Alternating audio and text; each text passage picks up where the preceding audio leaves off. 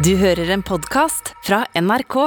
Mushaga Bakenga er profesjonell fotballspiller og lever av å skåre mål. Han er flere ganger norsk seriemester og har spilt for store norske klubber som Rosenborg, Odd og Tromsø.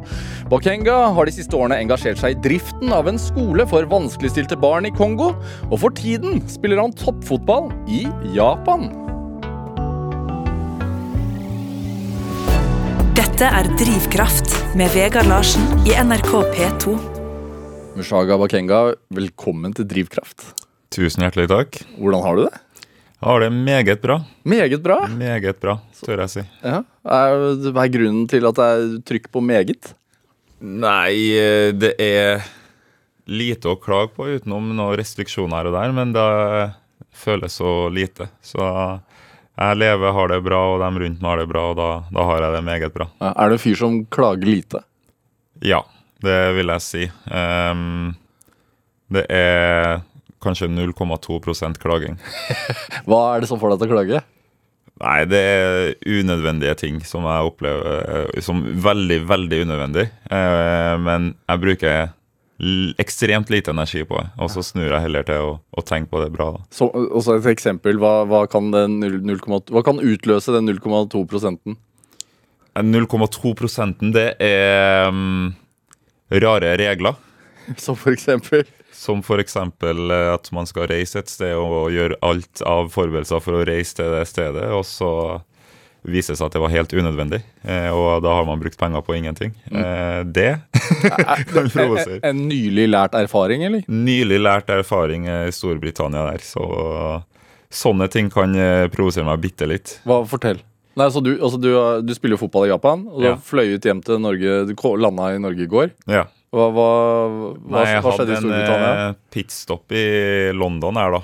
Eh, og så var det eh, mye man skulle gjøre, da. For det var så strengt med korona og så videre. Og så da betaler man for det ene og andre for å i hele tatt få lov til å, til å bli registrert, til å få komme inn. Ja. Eh, og testa og så. Og så lander man på Gatwick, og så er det bare å gå rett gjennom og ingenting. Ingen system, ingen oppfølging, ingenting. Og, og betalte hvor mye? Nei, det ble vel 10 000, det er Så unødvendig. Bra måte å dra inn penger på, da. For, for, for, Boris Johnson koser seg Ja. med kaffen. Ja. um, men altså Fra Japan, du, har du reist hjem for å være hjemme i jula, eller er det Ja. Ja. reist hjem for å, for å være hjemme og, og kose meg. Og spise maten til min kjære mor osv. Hva er julematen hjemme hos dere? Det er hele pakka. Hva vil det si? Nei, det er jo um, alt det dere har eh, av norsk julemat. Vi har lutefisk, vi har ribbe, vi har kalkun, vi har julepølser, vi har eh, Ja, vi har egentlig absolutt alt. I tillegg så kjører vi litt fofo. Ja. Eh, litt eh, afrikansk eh, grønnsaksmikk som heter sombe. Eh, vi har nå afrikansk ris. Altså vi Det er mat til, til alle og enhver. Hvor, hvor mange er, er, er, samlet hos dere på jul? Altså, nå er det jo regler på det, dessverre, men sånn i en vanlig Nei, vanlig så ligger vi rundt Vi snitter vel på en 50. Litt over det av og til, og noen ganger litt under. Eh, så det, det blir eh, Jeg tror vi må ha sånn audition nå. Eh, Uff meg. på hvem som får lov til å bli med Ja. når vi skal kun ha 20. Men 50 på, altså på selve julaften, eller på Ja. Wow! Det er veldig, veldig eh, mange, og veldig mange barn. Ja. Jeg er jo julenisse, så jeg Og du kan se for deg pakka da, som skal deles ut, og da deler vi ut én og én, hvor jeg står der og leser opp med min eh, julestemme som det er, liksom. Eh, prøver å lure barna til at det ikke er meg. Så det, Ja. Det tar sin tid. Man blir svett. Det er, det er veldig dum idé å ta på seg Altså Det er den, den første gangen man tar på seg sånn julenisseoppgaven. Da er det kjørt. For da, er det, da må man det hvert år. Det er det. Eh, og hvert år så, så klarer jeg faktisk å lure i hvert fall de yngste. Eh, for da sier jeg at jeg må bort til noen venner. Eh, og så kommer jeg tilbake etterpå, liksom, og de bare 'Ja, Moshaga, julenissen var her, og her er gavene dine.' Hvor lang julepause er det i japansk fotball? Nei, vi har eh, det, Serien går sånn som i Norge, hvor det er mm, eh, fram til november-desember, og så er fri fram til starten av januar. da. Ja. Mm. Er det Men, men hold, du må holde i gang? Ja, eh, nå jeg tar meg en 10-15 dager hvor jeg slapper helt av. Jeg har, eh, skada meg, så jeg trenger litt eh, tid på å hvile der. Og så Ferie er aldri ordentlig ferie, så da blir det egentlig å kjøre i gang for å forberede seg til enda et år med å bli sparka ned. Ja, hva slags, hva slags eh, skade er det? Nei, jeg ble kvesta på trening, så det er litt eh, knokler og noen leddbånd osv. som eh, fikk kjørt seg. Men du gikk, altså, du gikk jo greit i gangen. Ja, ja, det går fint. Det er bare når jeg skal snu og gjøre forskjellige ting, så kan jeg plutselig kjenne at det er en kniv som stikker ned i ankelen her, men skal, skal klare å få fiksa det til januaren. Ja. Altså, øh, det ble skrevet en del om da du eh, dro til Japan. altså Du spiller for den japanske klubben eh, Tokushima Vortis.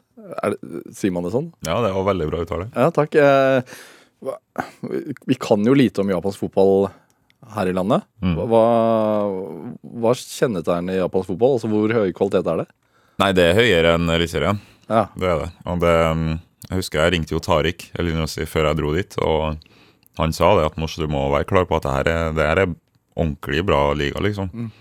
Eh, For min del så var det viktig med at det var bra, men altså eventyret og alt rundt det. Jeg ville oppleve noe nytt. Eh, Men når jeg kom dit, så var det det var sjokkerende høyt nivå, altså. Eh, På både enkeltspillere og lag og løping og disiplin og Er det teknisk fotball, eller hvordan er det noe spesielt? Det er en sånn fin blanding. Ja. Det er veldig teknisk, men det er også trøkk. Dommerne der eh, skulle heller ha dømt UFC-kamper, spør du meg.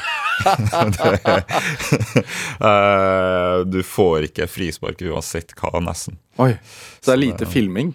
Ja, det er det. Eh, og jeg er jo heldigvis ikke en som er noe god til å filme. Jeg prøvde vel å filme én gang mot Godset. Det var vel når jeg spilte for Ranheim eller Rosenborg, og det havna jo på YouTube, så det så, det, er- det er ikke på å fortelle. Hvordan er det Nei, det var, det var et fryktelig dårlig forsøk fra meg der, hvor jeg følte at nå Det her var mitt øyeblikk. Jeg har jo aldri prøvd å filme, men jeg tenkte nå nå kan jeg late som nå kan jeg få et straffespark her. Og det var så dårlig at de, det var rett foran Godset-supporterne, men de ble jo ikke irritert engang. De begynte jo å flire, sant, for det var så dårlig. Til og med dommeren så på meg og bare Mors, kom deg opp, hva er det du holder på med? Men hva er det også fordi Jeg tenker sånn, sånn som når eh, Neymar for eksempel filmer på sitt verste. Han vet jo at det ser dumt ut. Jo, men han har det mer i blodet enn meg, altså. Han har denne, denne, det fallet og teknikken. Altså. Filming, det, det er dumt, men det er, det er kunst òg. Det Ja. er kunst å få dommeren til å, se, til å dømme, da. Så det Nei, jeg, jeg hyller heller Neymar for det her. I hvert fall etter å ha feila sjøl. Ja, men, men altså Tokushima Vortis det eh, det er en da klubb i Tokushima. Mm. Hvor, hvor stor er den byen? Nei, det er Det er vel uh, liten japansk by, men uh, 750 000 innbyggere. Ja. For meg så opplever jeg det som en stor by. da. Hvor, hvor mange er på tribunen? Nei, det har vært restriksjoner, så vi har ligget på rundt 7000, men vanligvis så er det vel en 25. Ja. Mm. Så, og hvor ligger dere på tabellen? Nei, det endte dårlig, ja. Jeg gikk jo for å redde laget, eh, men eh, det gikk ikke helt etter planen, så vi endte nå på, med å rykke ned. I en vanlig sesong så hadde vi holdt plassen, men i år så var det et ekstra lag som skulle ned. Ja. Så da var vi en av dem, men uh, det forandrer ingenting for min del. Nei. Hvor lang kontrakt har du? Jeg har uh, ett år til, og så kan jeg velge om jeg vil ha det ekstra året. Så jeg kan ha to år til. Hva var, altså, Japan altså, sånn Hvis du skal sammenligne det å spille for en japansk klubb eh, kontra det å, å spille for f.eks. Rosenborg. Mm.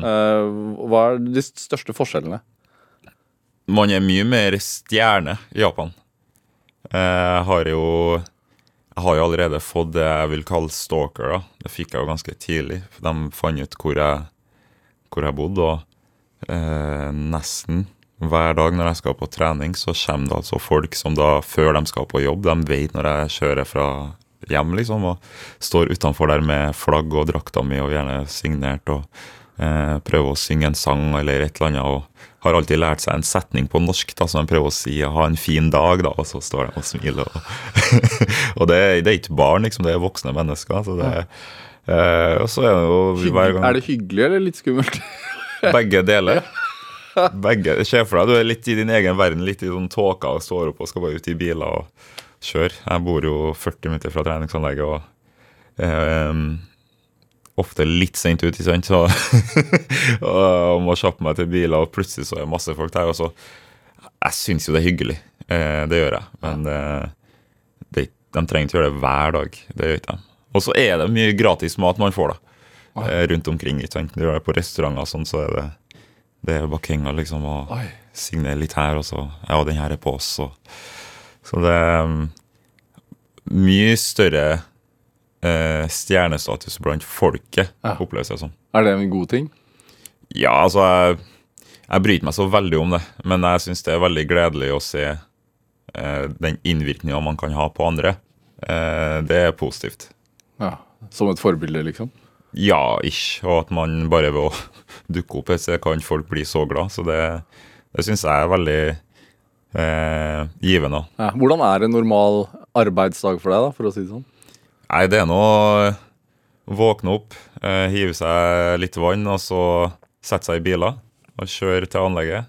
Veldig mye trafikk. Sette på en eh, podkast eller eh, eh, noe musikk der, og eh, kommer til, felt, eh, til treningsanlegget og spiser noe frokost. Og, og så er det behandling og diverse. Litt yoga har jeg begynt med før trening. Eh, og så er det ute på feltet. Tren. Eh, kanskje noen videomøter først, og så er det eh, lunsj etterpå. Men det Jeg har jo en tolk, mm. og han tolken min er jo med meg overalt. Sant? Og jeg har en tolk, så har vi noen brasilianere på laget som har sin tolk. Treneren er spansk, han har sin tolk. Så først i garderoben, for å kommunisere med alle andre, så har jeg alltid tolken min med meg. Han er med meg uansett, liksom. Så hvis det er noen kødd eller noe For de kan ikke engelsk så godt, så da må vi alltid ha en sånn Så han er med inn i garderoben? Ja, han er med overalt, og på feltet oversetter alt. Og det er veldig, veldig spennende eh, miks her. I hvert fall når vi har treninger, og treneren skal si noe, så sier han noe på spansk. Jeg hadde jo litt spansk, jeg forstår litt, men han, tolken hans oversetter til japansk, og så oversetter han min fra japansk til engelsk. Oi. Så du bare hører masse sånn småprat. Hæ. Men er det hm. Har du noe altså, Men kommer du godt overens med han tolken? Det er det, da. Ja. Han er helt nydelig. Ja, okay. Det er bra, da. det, det hadde vært tungt hvis han ikke. For han er jo med meg sånn i starten. Nå klarer jeg sjøl, men i starten så var jo, skulle jeg ha noe på butikken, så skulle han være med. Og, uansett hva, liksom, for å oversette. og Bare å fylle bensin, så måtte han være med, for det er jo ingenting som er forståelig for så, eh, Men eh, veldig hyggelig fyr, så vi har jo blitt som brødre, da, så det er jo fint. men bor, altså, bodde han hjemme hos deg i starten? Eller? Nei, han bor rett ved, men han er jo sånn eh, Trenger han, og så, så er han der med en gang. Han er her i to minutter etterpå. Hæ. Har har du fått noen venner, da? Bortsett fra han? Ja, det var serber, da. Ja. Eh, som også snakka engelsk, da. Så vi ble jo connecta naturlig. Eh, men han drar jo dessverre nå. Og det er jo det som er med fotballverden. Du, du knytter bånd, og så drar folk. Hvor sterke blir de båndene? Nei, Noen blir jo sterkere enn andre. Eh, men eh, definitivt, han her kommer jeg til å, til å ha med meg livet videre. Og så fleste nærmeste vennene mine sånn siste ti åra er jo gjennom fotballen. Ja. Det er en fra Esbjerg-tida, og så, så har dessverre han kompisen min som eh, døde av hjertestans i 2014 2015 år kanskje òg. han òg. så det eh, Man får mye nære venner, og så får man mange venner som man tenker at ja, ja, vi skal holde kontakten, men så glir det jo ut. Er naturlig. Du har, vært, eh, altså, du har spilt for mange klubber. Eh, jeg nevnte tre norske. Hvilke flere har du spilt for? Nei, det Altså, klubbhore, det, det er meg. Eh, det er vel Du nevnte tre, og du glemte Molde. Ja, Eh, jo, jeg, måtte, jeg hadde jo bare såpass lang tid. Ja, det på er det. Eh, så Molde, og så Eintracht Braunschweig i Tyskland. Så har jeg Esbjerg i Danmark, så har jeg Klubb Brygge, og så har jeg Serkle Brygge. Mm. Eh, Jeg tror det er alle.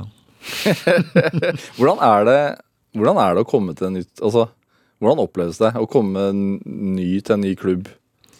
Nei, for meg så har det, det har jo blitt så vanlig. Så, så liker jeg å tro at det, det beste er å være deg sjøl. Det funker. Det har funka veldig bra for min del, i hvert fall. Så kom inn, vær deg sjøl med en gang, og så eh, er det litt sånn i fotballverdenen at du må gjerne vise noe. Sant? Du må, etter første trening, da du kan komme inn og være hyggelig, og sånn, så får folk litt skeptiske. og sånn. Så er du Altså, alle, kan, alle skuler litt på han nye, liksom? Ja, på en måte. De er jo hyggelige, Ja. men du blir først sånn godtatt. I hvert fall eh, jo høyere nivå det er. For da er folk oppe at du skal faktisk eh, Du er her for å hjelpe laget, ikke sant? Du, eh, du kan komme og være veldig hyggelig, men hvis du er dårlig, så blir det sånn ah, Ja. Det er sånn, Jeg hadde Jon Arne Riise her, et annet drivkraft, som, som fortalte at uh, da han kom til, til, til, til Liverpool, eller Monaco var det vel kanskje han kom til først, ja.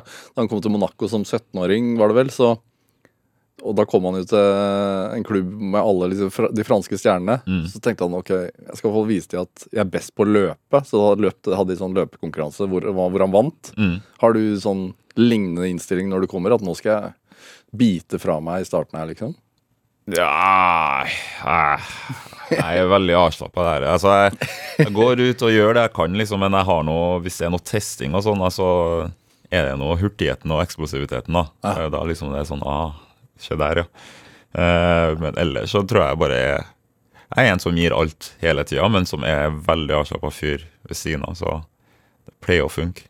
Som spiss, hvor viktig er det å få det første målet? Uh, veldig viktig, uh, egentlig.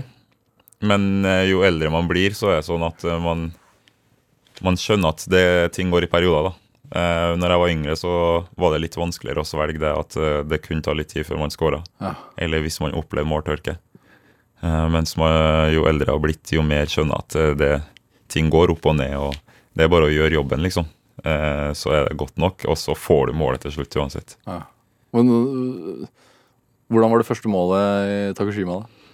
Nei, det var Det var et helt bisart mål. Keeperen eh, Jeg drev og sprang og som gal og pressa, og så keeperen skulle prøve å være Messi, tror jeg. Og det, det er en grunn til at du er keeper, tenker jeg da.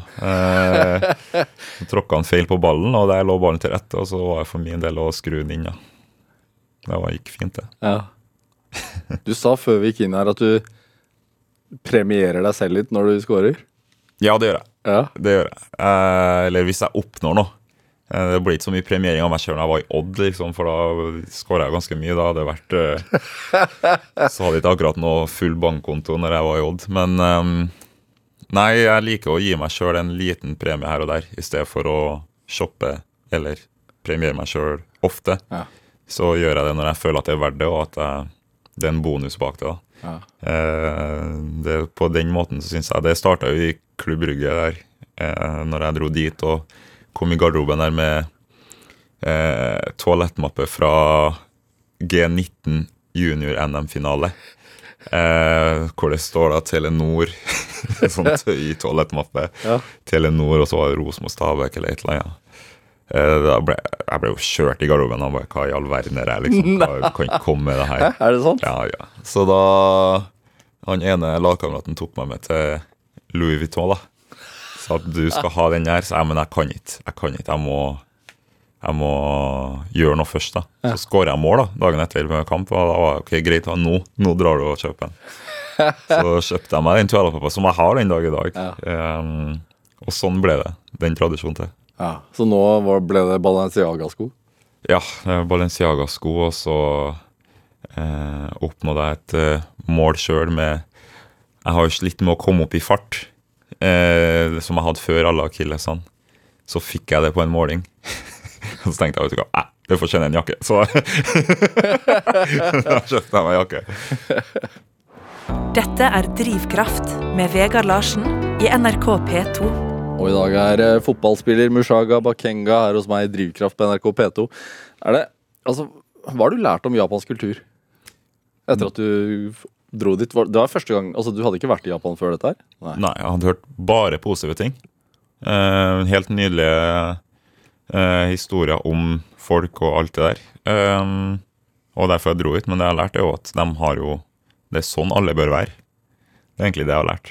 Hvor- Hvordan er det? Nei, Den kulturen deres og hvordan de er, eh, den respekten de har for folk, eh, måten språket deres er bare lagt opp til at det er fylt opp av respekt og kjærlighet. og um, Man gjør sitt beste uansett, og bare vennlig, da. Det er så lite hat og intriger. Det er mer positive ting hele veien. Uh, jeg, Det er vanskelig å forklare, man må nesten oppleve det. Men jeg føler at jeg blir et veldig mye bedre menneske bare av å være der og lære av den kulturen. For det, det er helt nydelig. Hvordan har du forandret deg, da? Nei, jeg tror jeg har blitt enda mer på å sette pris på ting. Og enda mer å sette pris på andre rundt og se de små tingene. Det Jeg føler at jeg har vært flink til hele veien, men nå har jeg blitt enda mer observant på det. Eh, og være opptatt av at alle skal føle at jeg ser dem, at, jeg, at de blir sett. da. Eh, Hvordan gjør man det? det er enkel greie. Du kan bare si hei til noen og se dem i øynene og si hei. og liksom det, det skal ikke så veldig mye til å spørre hvordan det går og alt mulig. Om det så er, er hun som driver og vasker her eller der, eller eh, om det er taxisjåføren din eller bussjåføren eller hvem som helst. Bare si hei og vise at du ser folk. Um, det er en liten greie, men jeg tror det i lengden så kjenner du sjøl òg at det, det, det funker. Det gjør deg sjøl bedre òg. Er det vanlig blant fotballspillere ute i Europa, f.eks.? Nei, nei, nei. Det er dessverre Og det her er ikke bare fotballspillere, men det er dessverre mye folk som har for høye tanker om seg sjøl. Altså. Eh, Det syns jeg det er for mange som tror at fordi at du er den du er, så er du høyere opp eller bedre enn den andre. Da. Eh, Det syns jeg er trist. Ja. Det er fælt eh, at det Hva du gjør, skal bety at du er du er så sinnssykt mye bedre menneske enn det andre som faktisk kan være et bedre menneske enn deg. Mm. Høres eh, direkte ut, men det, det syns jeg virkelig. Mm. Og så syns jeg vi kan ta med oss hele bookinga fra Japan. Den er helt nydelig, og den, jeg, jeg har den med meg òg, føler jeg. For nå har jeg blitt så vant til Ja. Hver gang du sier arigato og takk og liksom hei, og så er det sånn Det, det bookes og nøyes. Og jeg kom hjem til mamma her og sa hei, liksom, og bare booka. Hvordan reagerte hun da? Nei, hun booka bare tilbake. Så det, det er fint, det der. Eh, så den, den liker jeg òg. Det er liksom det er respekt da, og bare kjærlighet. Ja. Høflighetskultur. Ja. Er det Du studerer japansk også? Jeg har begynt rolig, og nå fikk jeg meg en lærer som jeg skal gå intensivt til verks når jeg kommer tilbake. Og det er jo Altså, du, har jo ikke så lang kontrakt, så det, jo, det er jo ikke en nødvendighet. Men hvorfor er det viktig for deg? Det er bare for å gjøre mer ut av oppholdet. Jeg dro dit for jeg ville ha opplevd noe helt nytt. Et eventyr som jeg ikke hadde fått muligheten til hvis jeg ikke hadde spilt fotball. Mm. Eh, og da er det å fange det med begge hender. da. Eh, så én ting er å nyte kulturen deres og den helt nydelige maten som du får servert her, men det har vært litt kulere å komme hjem og ha lært seg japansk òg. Er det, er er det en del av det Og så ser du litt på fotballkarrieren din som Altså ikke nødvendigvis bare det å vinne kamper, men også at det er, en, er et eventyr, da. Ja, det gjør jeg. Og jeg har jo opplevd så vanvittig mye hittil, føler jeg. Men eh, nå som man begynner også å nærme seg slutten, så, og har hatt de veldig dype nedturene, Ja. eh, og endelig klarte man å snu det igjen, så var fokuset mitt på at livet må nytes, liksom. Og eh, nå må jeg bare utnytte det her eh, til det fulle. Og ta, kommer det en mulighet som gir noe ekstra, så gjør jeg heller det. Hvordan er det egentlig å nærme seg Altså, du, du sier nærme deg slutten. Du, du, kan ha, du kan jo ha mange gode år igjen, da. Ja, ja, og nå er jeg jo motivert, mer motivert enn noen gang. Ja. Eh, Det var For to år siden så skulle jeg legge opp. Jeg. Og i dag sitter jeg her og er proff i Japan og har levert noen gode år i Eliteserien og vist mange tviler at jeg fortsatt kan. da. Så det, Hvorfor skulle du legge opp? nei, det var nok. Det var mye motgang. Det var skade på skade på skade. og Gnisten og Altså, det er så mye som foregår i løpet av en fotballkarriere. Um, folk tror en dans på rosa, men det er så mye tull, og det er så mye trenere som behandler spillere som uh, produkter. Da. Det, det, du blir ikke behandla som et menneske, og det går inn på deg til slutt. Når det, det er sånt. Og det, bare det fotballsirkuset, det, det er kult, det, men det er mye, det er mye tull òg. Og det er mye som tærer på. Det er sikkert mange som tenker at det sånn er bare det er greit, men for min del så er mer opptatt av eh, det menneskelige. Er det presset som tærer på, eller er det Nei, presset er ikke så Press har det alltid vært. Det har vært siden jeg var 13 år. Det, det er ingen problem. Men det, det er bare hvordan man behandler mennesker. da. Det er det eneste jeg, jeg føler det koster så lite å bare være en bra person mot folk.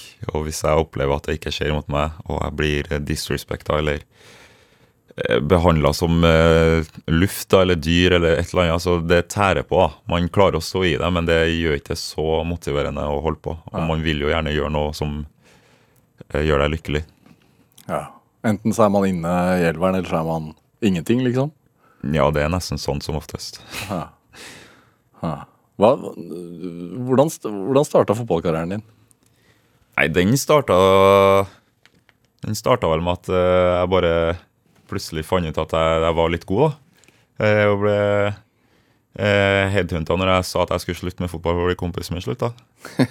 og så var plutselig, Da ble jeg plutselig interessant for mange, og det ble sone og krets. Og så gjorde jeg det bra på sånn nasjonal samling. Eh, Jeg dro til Chelsea på prøvespill. eh, sa nei der, og så Hvorfor sa du nei? Du sa nei. Du sa nei til Chelsea. Nei, det er noe um, Det er noe litt uh, Litt familiegreier eh, med å skulle bo hos en, uh, hos en uh, ny familie. Og så var det jo at man hadde jo en sånn ungdomskjæreste på tida, da. Eh, eh, trodde man hadde funnet kjærligheten, og så Det hadde man jo definitivt ikke. Eh, så da, eh, og så kom jo Rosenborg på banen òg. Og det, så det Nei, det var, det var mye tanker. Jeg angrer ikke, da. Eh, For det var fint å, å si ja til Rosenborg og bli med på, det, på den turen der, men eh, man vet jo aldri hva som kunne ha skjedd. Nei. Sånn er livet, da. Det er jo det. Så heldigvis så kan jeg si at jeg var 14 år, da. Er det, har du, eh, er det andre fotballspillere i familien? Det er mange, altså Du vet dere historiene med at eh, ja, det var en skade som gjorde at eh, Det er mange av dem. Det er det.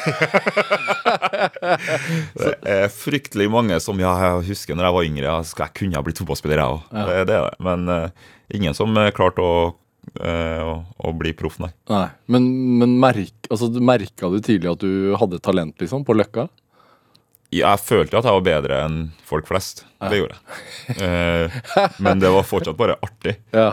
Det var aldri noe som Jeg er ikke han der som gikk rundt med en ball under de historiene der. Gikk med en ball og Du hører jo det er mange fotballspillere i dag.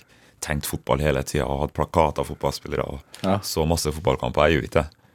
Første fotballkampen jeg så, var på Lerkendal fordi læreren, eh, læreren min sin mann visste at jeg var god i fotball og hadde Champions League-billetter. Han tok meg med, og det var Chelsea som spilte. Ja, ja. Hvor gammel var du da? Da var jeg vel en tolv år. 11-12 Det er fo første fotballkampen du ser? Ja, det var første hvor jeg var faktisk på Lerkendal og så på. liksom. Ellers så Jeg kunne se litt her og der, men det var ikke så viktig, altså. Nei. Og så neste Rosenborg-kamp for min del, hvor jeg var på Lerkendal, var ballgutt. så det Jeg liker jo fotball, jeg elsker jo fotball, men jeg var aldri noe sånn fotball 24-7-kid, nei. Nei, Hva var det som opptok deg? da? Sosiale. Og bare ha det bra, egentlig.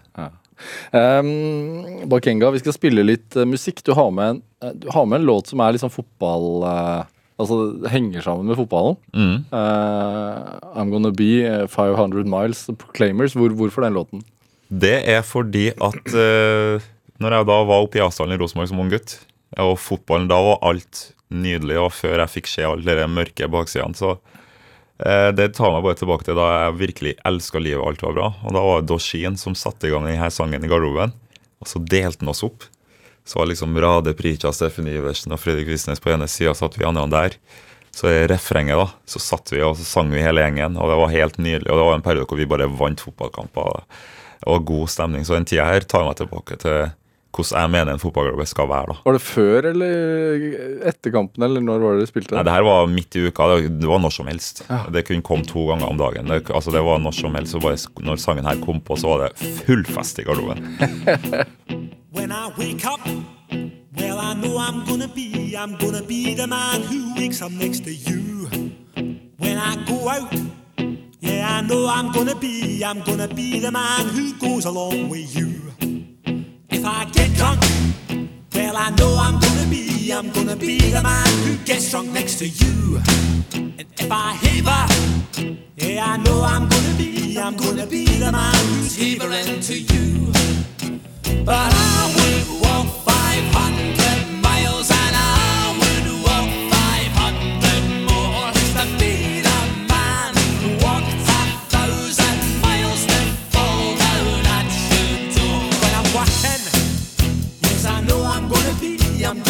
the man who's working hard for you. And when the money comes in for the work I do, I'll pass almost every penny on to you. When I come home, I come home oh, I know I'm gonna be, I'm gonna be the man who comes back home to you. And if I broke, well, I know I'm gonna be, I'm gonna be the man who's growing older you. But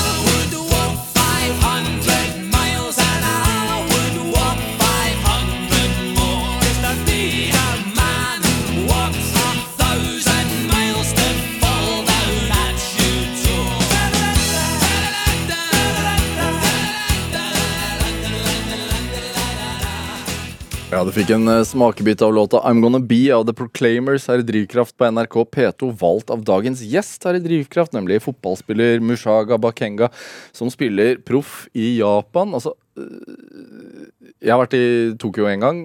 øh, opplevde et lite, bitte lite jordskjelv mens jeg var der. Har du fått noe jordskjelv? Ja, jeg har fått tre. Tre? Ja. Ja. Det, ja, den første var helt fryktelig. Eh, Da var det mens jeg var satt i karantene og bare slappa av. Satt og så på Netflix, og plutselig så bare rista hele, hele rommet. Og jeg tenkte jo nå, nå, nå er det over. Ja.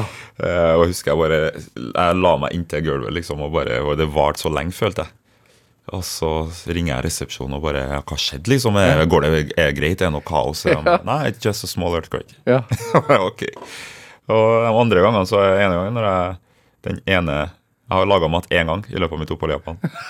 Hva lagde du? Omelett. uh, og da rista alt, da. Eh, og da uh, Skikkelig sånn. Men da jeg, dagen etter når jeg kom til trening, tenkte jeg at det her er det vi skal snakke om i dag. Ja. Men det var nei, nei, den lille greia der. Ja. Folk som Folk har ikke engang kjent til noen plasser. Så Altså, du lever med den der frykten hele tiden. da. ja, men nå Jeg må nå bare bli fullverdig japaner nå og bare tenke at det er normalt. Da. Det, um, Mushaga, du, altså jeg, jeg sier jo Mushaga Bakenga, men du, du heter jo Du har et veldig langt navn. Mm. Hva, hva heter du egentlig? Sånn, fordi jeg, det, det er for langt å huske. Nei, det er Moshagalusa Bakenga Joar Batnam Gunga. Ja. Hva, hvorfor så mange navn? To foreldre som er sta, eh, og som elsker å hedre folk, rett og slett. Ja. Så jeg tror de eh, Hvem blir hedret?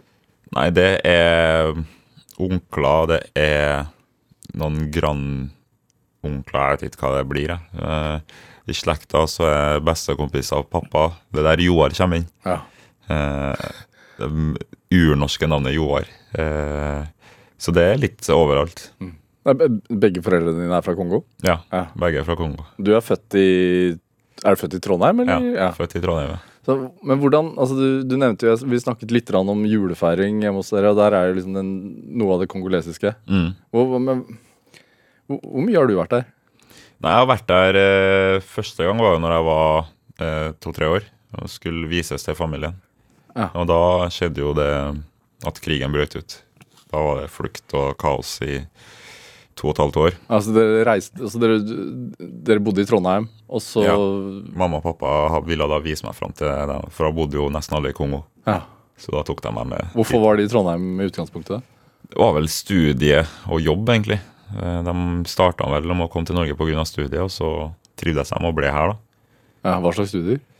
Nei, Mamma hadde vel et eller annet som hun fortsatt eh, driver og tar flere doktorgrader i. Ja. Eh, hun er nå den smarteste kvinnen jeg kjenner.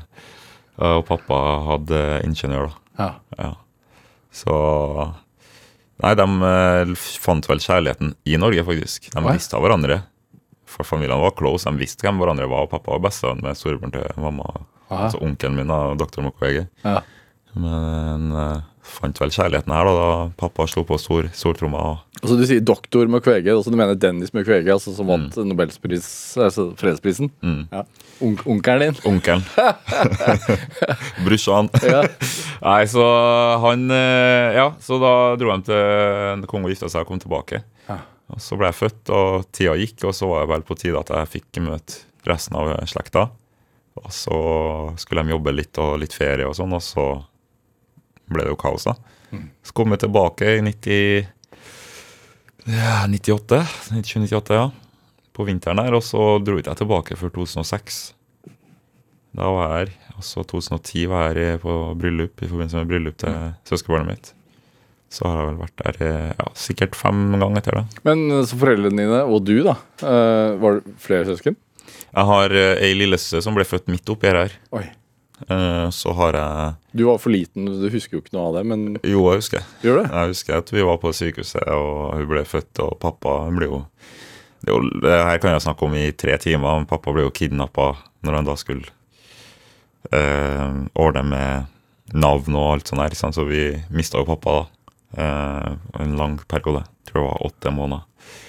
Eh, hvor vi da fant han igjen, skal du si. med hell. Um, og så måtte vi Vi måtte jo kjappe oss bort fra sykehuset, for det ble jo angrepet. Eh, nyfødt lillesøster der og alt det der. Så alt det der, det husker jeg. Um, ikke at pappa ble tatt, for det skjønte jeg ingenting av. Det, det var jeg for ung til å skjønne nå. Men uh, det med når vi var på sykehuset, når vi måtte kjappe oss bort og satte oss i biler for å møte resten av, av slekta som hadde funnet forlatt skole litt lenger bort. Um, ja, så, ja, det var så mye som skjedde under den flukten og krigen der. Eh, men hvorfor ble han kidnappet? helt random. Var bare skulle ta ut noe penger for å betale for dere eh, navnegreia. Ja. og der kom det noen menn og tok eh, som tørkle over, og da syntes han av oss, og de klarte å ta han av. Så. Men var det pga. posisjonen, familien din? Nei, jeg tror det var bare helt tilfeldig. Ja. De trodde han hadde penger, da. Og heldigvis så ble han redda av noe som gikk forbi. Og... Men da var jo han langt bort fra oss, da. Hvordan snakker han om det i dag? Nei, alt det der er sånn bare litt rolig. Det er det som er hyggelig med julemiddagene våre. Hvert år så lærer jeg noe nytt om hva som har skjedd under krigen.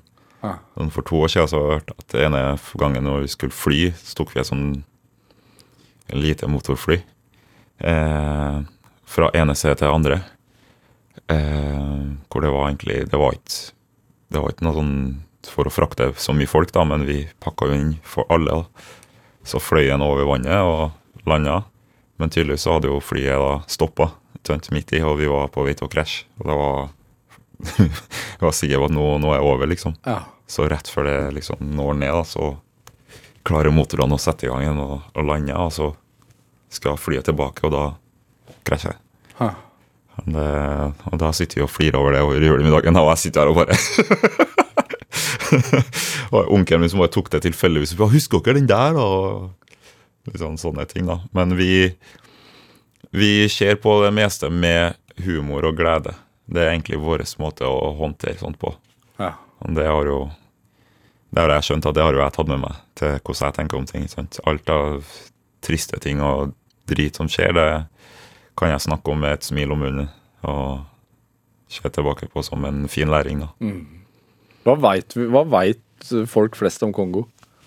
Nei eh, Det er vel egentlig bare det de leser i nyhetene. Det er et fattig land og bla, bla, bla, sånn, men det er jo noe er Verdens rikeste land på, på, er natur, på mineraler eller på råstoff. Ja, ja. Kongo kunne vært Norge, Norge med olje. Sant? Så det, det er bare synd at det er korrupsjon, og det er mange land fra Vesten som uh, utnytter. Eh, og at uh, ja, folk blir rett og slett uh, tråkka på høyre og venstre. Altså det, det er trist når du vet det potensialet som eh, Kongo har. da. Er det? Altså, du, du, du, du sier jo, du sier jo uh, Onkelen din, altså Dennis Mukwege, vant Nobels fredspris uh, to år siden, er det ikke? Ja. Ja. ja hvor, hvor, hvor representativ er han for familien din? Altså, han, Han, han, det han er, det er det jeg føler hele familien min er. hva, hva vil det si? Det høres veldig skrytete ut, men jeg, det er ingen jeg, ting jeg er mer stolt av enn å være en del av den slekta og familien jeg er en del av. Ja, Jeg, jeg har to besteforeldre, bestefedre, som starta Vi er jo kristne, så de starta menigheter i, i Kongo. Eh, og den, det har jo vokst, så nå er det vel snart 80 menigheter som er under den hovedmenigheten. da. ja, så de er pastorer? Mm. Ja. Eh, nå er jeg kun farfar som er igjen, da. Men eh, den jobben de gjør for å hjelpe andre hele tida, det er alltid at du skal hjelpe andre. Kan du, så kan du hjelpe andre, og det har liksom Det er i ryggraden vår.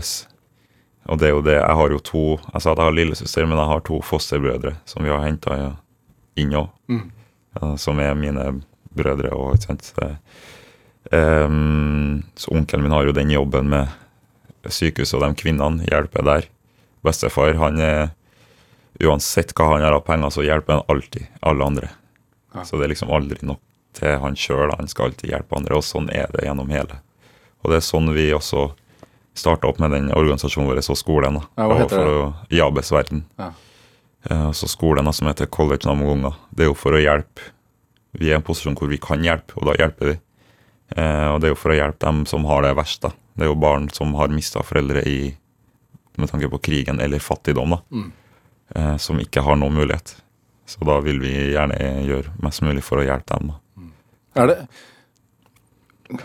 Husker du at du har blitt lært opp på den måten? Altså sånn Man husker det jo ikke, man bare har det.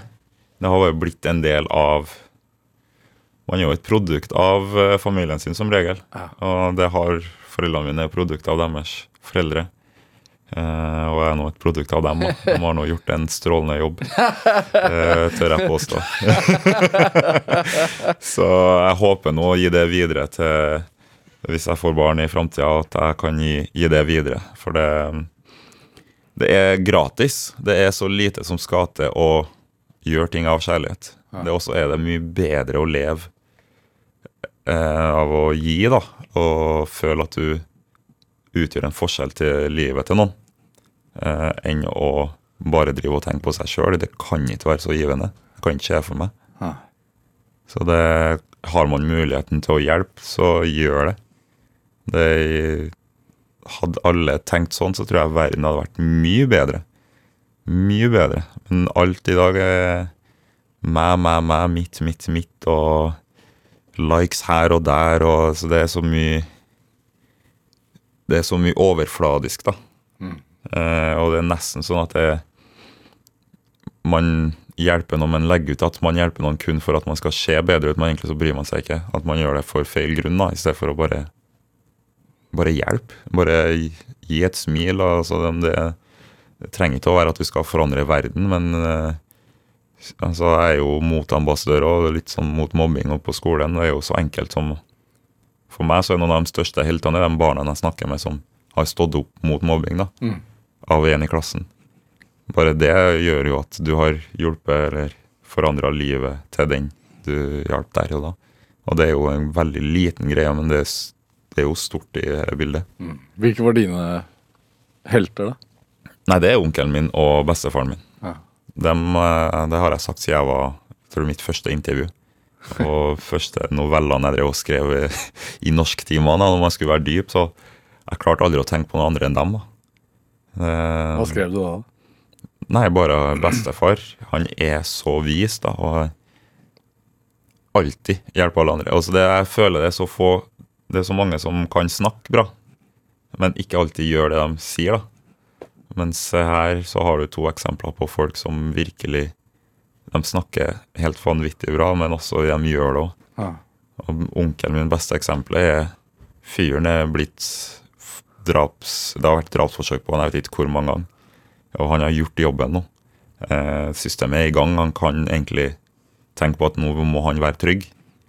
Så vi sa jo det i var vel i 20 2012-13. Hvor det var det skikkelig attentatforsøket hjem til han. Hvor det endte opp med at han ene kompisen hans hoppa foran når de skulle skyte han. Og da ble han drept. sant? Og da var det sånn OK, nå må du flytte fra Kongo. Nå er sånn, nå begynner jeg å bli veldig Han bare Jeg kan ikke forlate de kvinnene. Nei. Hvem er jeg da?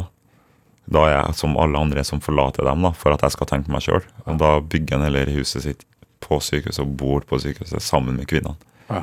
Og det er sånn det For meg er det helt vilt, da. Eh, der hadde til og med jeg flytta til da Belgia da, og bare bodd der og styrt ting derifra. Hvordan jobber han nå? Nei, han gjør eh, det samme som alltid. Ja.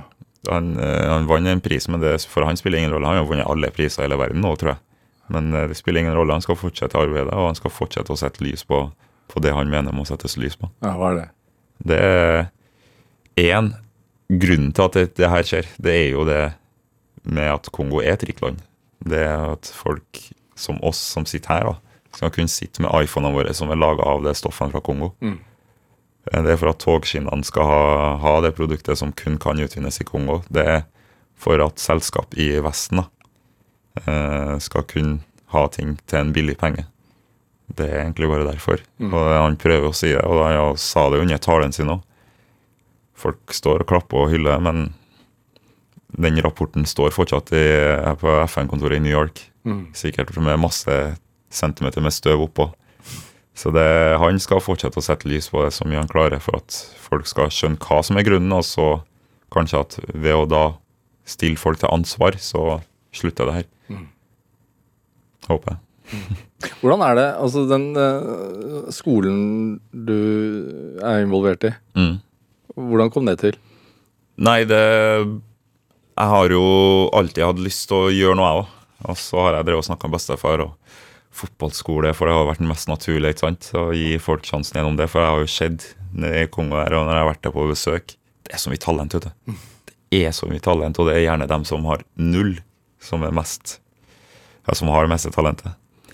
Men eh, det ble veldig vanskelig å få til med logistikk og alt, og jeg må ha folk jeg stoler på. Så tenkte vi ja, men skole, utdanning er jo det beste. Tenk hvor mange du hjelper. Utdanning er jo det som får deg ut av fattigdom. Det er jo det som er problemet med dem som er fattige, at de får ikke utdanninga. De får ikke muligheten til å komme seg ut. Mm. Eh, Hvordan er fattigdommen? Nei, den er ekstrem. Der er det, det er vondt, altså.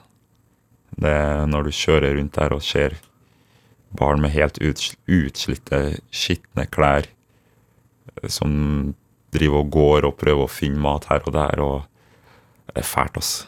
Eh, Så dem som virkelig er fattige Kongo, det, det er helt forferdelig. Og dem er Folk bryr seg ikke. For det, det har blitt sånn, dessverre, at man tenker på seg sjøl, bare. For man må lykkes. Man må ha dem, den ene dollaren, da. Ja. Da har du mat den uka, ikke sant? så da vil du ha den dollaren sjøl. Naturlig nok. ja, selvfølgelig. Så det er synd, ja, men eh, gjennom det utdanning tenkte vi det har vært bra. Så da har jo han en menighet i ene landsbyen der, og da brukte vi det lokale rundt der til å bygge en skole. Så satte vi i gang der og tenkte at uh, han skulle si fra i menigheten sin at uh, han har starta en skole. Men, uh, og vi tenkte nå til 300 barn, da. Det er jo bra, tenkte vi. Første skoledag kommer det 1200 barn. Wow. Men da var jeg sånn OK, wow. Var du der, da? Nei. Nei. Um, da ringte meg, og da skjønte jeg at ok, vi må ha en organisasjon, vi må ha folk som støtter, for da kan jo gi alle pengene mine, selvfølgelig, men det har vært fint med en organisasjon som vi får hjelp av andre til å gjøre det her. da. Ja.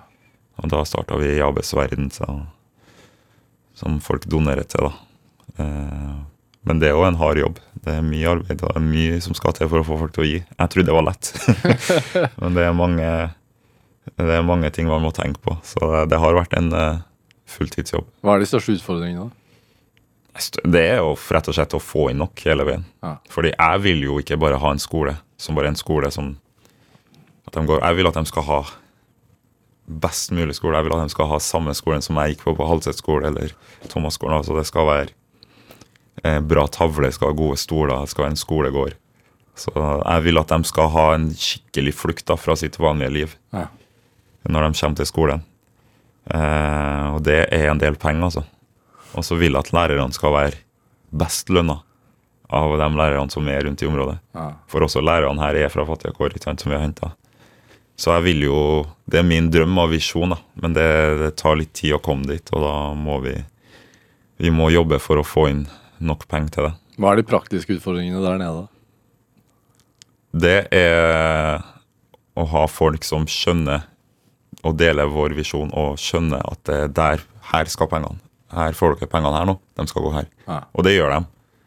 Men det er veldig mange som får tanker om at de trenger mer, eller hvorfor. Eller at ja, vi, vi i Norge kan bare fikse penger, så kan jo dem dem som må ha mer, de må ha litt til det. de må ha litt til det, ikke sant? Fordi de tenker jo på seg sjøl, for de sliter jo. Og det skjønner jeg. Jeg blamer dem ikke, men uh, vi har klart å, å få et bra system på det. Hvor ofte er du der, da?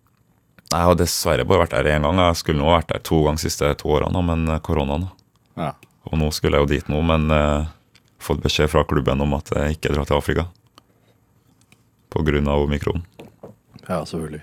Så um, jeg håper å dra dit så fort jeg får muligheten, da. Det, sist gang jeg var her, var egentlig sist gang jeg begynte å felle tårer. Uh, hun ene jenta som var så glad for å få den skolesekken. Og så var hun nesten flau og kom bort til meg og klarte nesten ikke å snakke. og bare Hun går to timer til skolen. Hun bor to timer unna, hun går to timer til skolen og to timer tilbake. og Hun får ikke mat. sant? Og hun bare spurte om det var noe jeg kunne gjøre for at hun kanskje kunne få mat på skolen. da. Eller et eller annet opplegg som gjorde at hun ikke gikk sulten. da, For hun hadde ikke energi. Og da kjente jeg bare at eh, alt, alt av mine ilandsproblemer, alt det, det går jo bort. sant? Så da var det å komme seg hjem og sette i gang eh, en plan på skolemat og alt sånt. Og det har vi fått til nå. Men én var den gleden over å få skolesekker, som var til overs overflod i Norge, fordi at eh, etter den første klassen så vil barn ha kule sekker, og det kan foreldrene her gjøre uten problem. sant? Så da blir de sekkene til overs. Mm. Men for dem så var de sekkene der mer verdt enn å kjøpe ti PlayStation 5 til, til en eh, åtteåring i Norge. Hva er det Altså, Hvor langsiktig ser du på det her? Nei, jeg vil hjelpe folk så mye som mulig, og nå driver jo Ting har jo tatt sånn tid nå, men jeg vil at vi skal ha flere skoler. Jeg vil hjelpe flest mulig. Fordi gjennom å hjelpe ett barn, så har jeg endra en organisasjon Nei, en eh, generasjon. Det har jeg jo. For da får det barnet der muligheten, eller den personen, da, når den vokser opp. Jeg har få fått noen videre til college, noe som aldri hadde tenkt på å gå på college. Ja, du, altså Som har gått på, på skolen din? Ja. Eller, ja. Som har uteksaminert, og vi har fått dem videre. Noen har fått det på stipend nå. Ja. Og da har du jo endra, mest sannsynlig, endra livet til barna til den og barna der, barna der. Altså ehm, Og nå, hvis du tenker sånn om 1000 elever, da, og klarer å få alle dem ut, så har du jo Da har man endra mye, altså. Så det, det er det som er min motivasjon med det og det vil jeg jo fortsette å gjøre. da. Ja. Det er For min del er det bare å gå rundt og ringe rundt og få folk til å gi, og så holde hjulet gående, så fortsetter man å endre mange liv. da.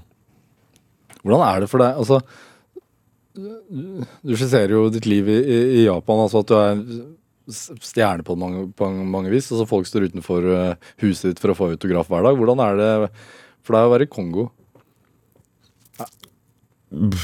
Man, Altså, du, du ser jo at faren din ble kidnappa, det var ja. under krigen der, da, selvfølgelig. Men er du utsatt på noe vis? Altså, er det jeg har vært det. Ja.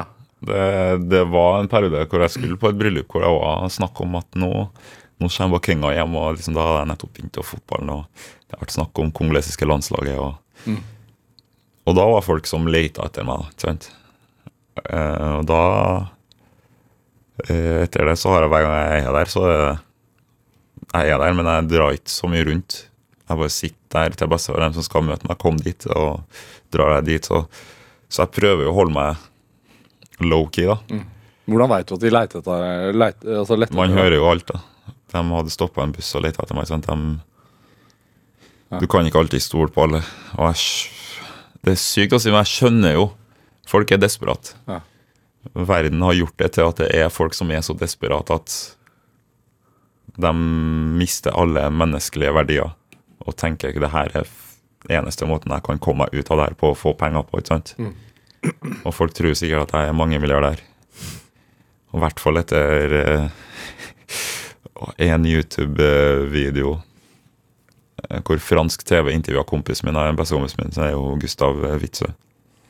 Um, og da var jeg med der litt på en middag. Og, da har jeg Instagramen min, Facebooken, alt har jo blitt Jeg har fått så mye meldinger på folk som vil ha hjelp, da, fordi da kjenner jeg en som er Ja. Men folk tror jo at jeg også er så rik, da, ikke sant? Jo At du, at du var laksemilliardær? Ja. ikke sant. Ja. Så, ehm, Men i forhold til det, altså i forhold til de kontrastene du, du ser og også jobber med, da, for, Mm. for, for å si det forsiktig. Altså hvordan Fra du begynte som fotballspiller til nå, altså hvordan tenker du at fotballen har utvikla seg? Nei, det har jo blitt veldig mm, mye rundt det over fotballen, da. Det har blitt veldig Sosiale medier har jo ødelagt, da. Ødelagt? Ja, det har ikke gjort noe bedre enn. Tror du ikke? Nei, jeg tror eh, det blir så mye mer rundt det å være fotballspiller. Eh, folk er mer opptatt av andre ting enn bare den enkle sjela til fotballen. Hvor viktig er det, tenker du, for markedsverdien og sånn? Nei, det, det er jo viktig. Ja. Nå har det jo blitt sånn. Det er viktig å ha en bra konto her og der og ditt og datt, liksom. Du blir ikke kjøpt av en storklubb hvis ikke du har så og så mange følgere på Instagram. nesten. Nei, det er sånn er det ikke, men Det er ikke langt unna, tror jeg. Nei, det er litt sånn Det er jo mye hype og video som gjør at Å, se den videoen der, han gjorde det der. Oi. Litt sånn Jeg vet jo at det er sånn det funker, liksom. Ja, og så er det ikke også litt sånn at øh, den øh, fotballspilleren har så mange følgere på Instagram, det betyr at øh, han koster den summen, det kan vi tjene inn igjen fordi markedsverdien er sånn. Ja, sånn. det er, jeg tror det er sånn på den absolutt største fronten, så er det. Ja. For det har jo blitt eh, Fotball er business, Ja. og det blir mer og mer business for hver dag. Eh, og da er det egentlig bare å henge med. Ja. Det er gøy og lidenskap òg, da. Det er det. Ja. Men jeg håper på enda mer lidenskap og enda mindre business. Eh, Mushaga Bakenga, hva tenker du er drivkraften din? Drivkraften min er egentlig å bare utgjøre en eh, størst mulig forskjell, egentlig. Jeg vil eh, den dagen jeg ligger på leia her og skal si farvel, og bare vite at én Ja, jeg vil hjelpe alle, men jeg vil også nyte livet mitt. Altså, Jeg skal ikke uh, si at jeg ikke nyter livet. Jeg liker, jeg liker å ta meg en god flaske vin og, og kose meg og ditt og datt. Og en god ferietur. Ja. Men jeg vil ha påvirka verden til, i en god retning, da. Og har utgjort en forskjell for en del mennesker. Og det håper jeg fortsetter å gjøre, da. Så det, det er jo det som er drivkraften min, å, å nyte livet. For det, er det er for kort å ikke nyte, så jeg skal nyte hver dag som at det er sisten. Tusen takk for at du kom til Drivkraft. Takk for det. Produsent og researcher i dag var Kjartan Aarsand. Anne Sofie Stang bidro også til denne sendingen. Nå får du straks Dagsnytt her i P2, etterfulgt av livssynsprogrammet Kompass. Jeg heter Vega Larsen. Vi høres. Du har hørt en podkast fra NRK. De nyeste episodene hører du først i appen NRK Radio.